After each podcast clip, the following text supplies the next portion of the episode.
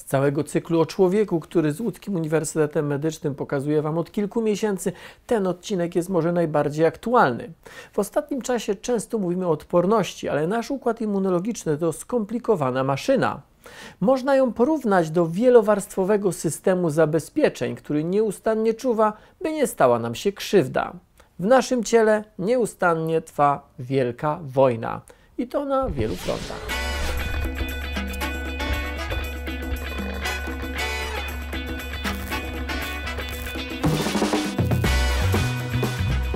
Wokół nas aż roi się od mikroskopijnych wrogów, od wirusów, bakterii, grzybów czy pasożytów. Naukowcy szacują, że każdego dnia z powietrzem wdychamy nawet milion komórek bakterii i grzybów oraz do 100 milionów wirusów.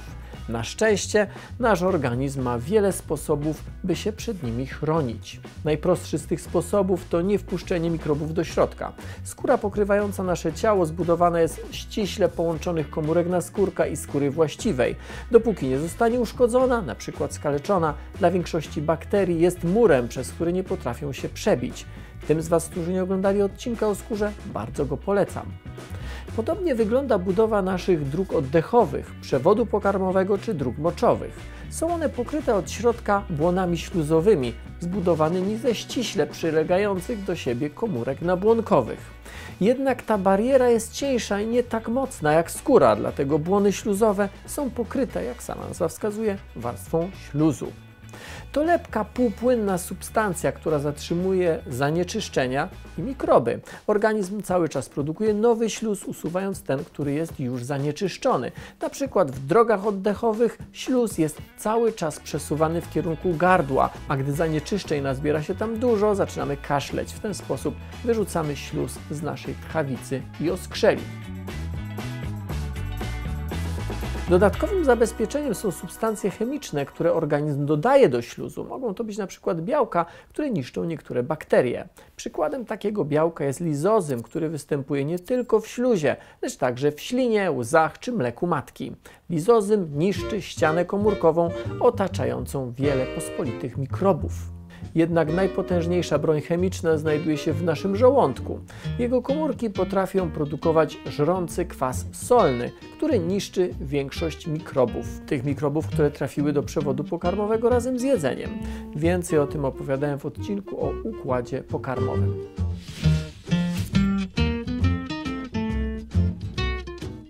Kolejne zabezpieczenie to bakterie. Nie wszystkie ich odmiany są dla nas szkodliwe. Wiele z nich przystosowało się do życia z nami i nie wyrządzają nam żadnej szkody.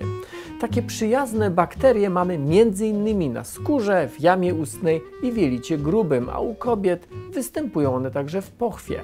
Mikroby te zwane florą fizjologiczną to nasi sojusznicy. Pozwalamy im mieszkać w nas, a w zamian za to oczekujemy, że nie pozwolą osiedlać się tam chorobotwórczym bakteriom czy grzybom ale rola tak zwanych dobrych bakterii jest większa. One w zasadzie trenują nasz układ odporności, służą mu za partnera sparingowego. Układ odporności walczy z nimi, ale nie na tyle intensywnie, żeby je zniszczyć. Obie strony pozostają więc w równowadze. Jednak wszystkie te zabezpieczenia czasami się nie sprawdzają. Nie znaczy to, że jesteśmy bezbronni wobec patogenów, które wnikają do wnętrza organizmu.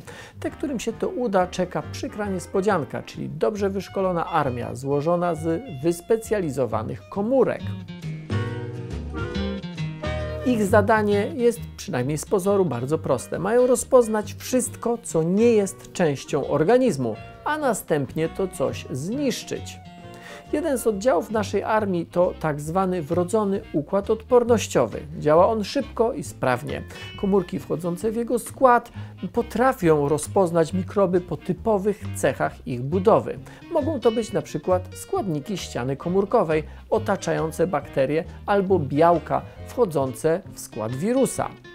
Po rozpoznaniu wroga do akcji ruszają komórki makrofagi, zwane też inaczej monocytami.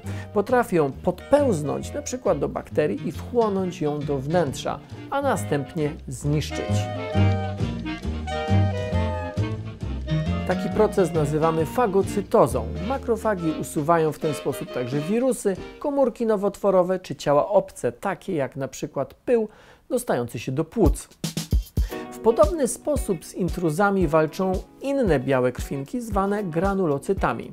Dodatkowo potrafią one też stosować broń chemiczną. Uwalniają substancje niszczące ściany i błony komórkowe mikrobów. Jedna z odmian granulocytów, tak zwane neutrofile, umie nawet wytwarzać lepkie sieci. W sytuacji zagrożenia komórki te potrafią popełnić spektakularne samobójstwo.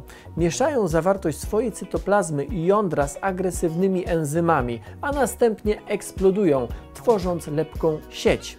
Jeśli wpadną w nią bakterie czy grzyby, zostaną błyskawicznie unieszkodliwione.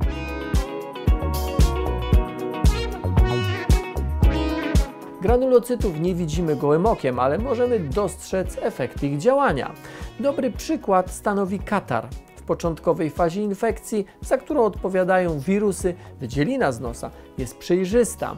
Gdy jednak w śluzie zaczynają mnożyć się bakterie, katar robi się lepki, gęsty i nieprzezroczysty.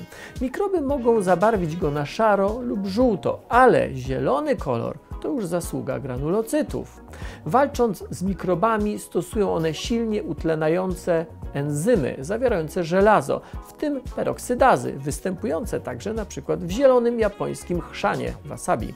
Duża ilość związków żelaza zawarta w bakteryjnym katarze sprawia, że nabiera on zielonkawego odcienia.